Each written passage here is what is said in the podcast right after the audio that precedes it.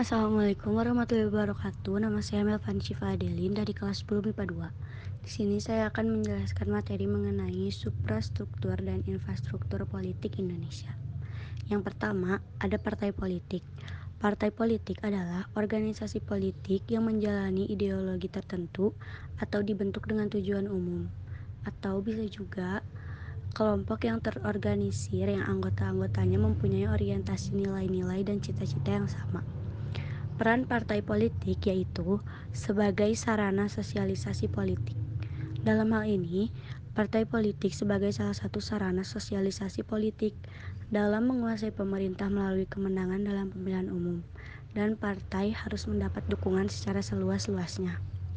Yang kedua, kelompok kepentingan atau kelompok advokasi merupakan suatu perkumpulan atau bisa juga berbentuk lembaga swadaya masyarakat yang bertujuan untuk mempengaruhi keputusan politik, mencoba untuk meyakinkan para pejabat publik untuk tidak sesuai dengan suara atau kepentingan anggota kelompoknya.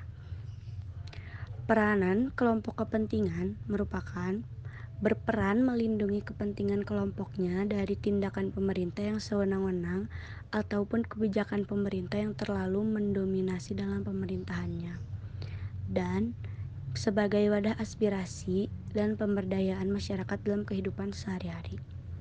Selanjutnya ada alat atau media komunikasi partai alat atau media komunikasi politik merupakan alat atau sarana yang digunakan oleh para komunikator dalam menyampaikan pesan-pesan politiknya. Misalnya, media cetak, media elektronik, media online, sosialisasi, komunikasi kelompok yang dilakukan partai, organi masyarakat, dan masih banyak lagi. Di sini juga ada manfaat dari alat atau media komunikasi politik, yaitu sebagai penyalur aspirasi, melakukan penghubung, penghubungan pemerintah dan rakyat, dan umpan balik. Lalu ada tokoh politik.